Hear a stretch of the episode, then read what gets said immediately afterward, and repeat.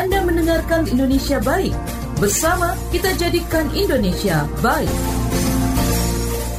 Saya harap mulai sadar lah, mulai dari kita untuk satu bijak dalam penggunaan. Dalam artian kan eh, apa ya, kita memakaikan popok itu mungkin malam hari atau pas keadaan keluar dari rumah. Jadi tidak tiap hari kita pakaikan untuk si kecil.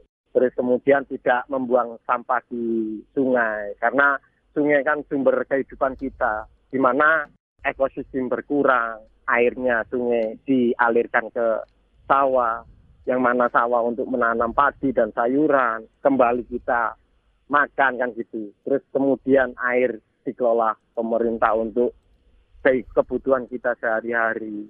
Jadi mulai dari sekarang, ayo jangan buang limbah popok di sembarang tempat.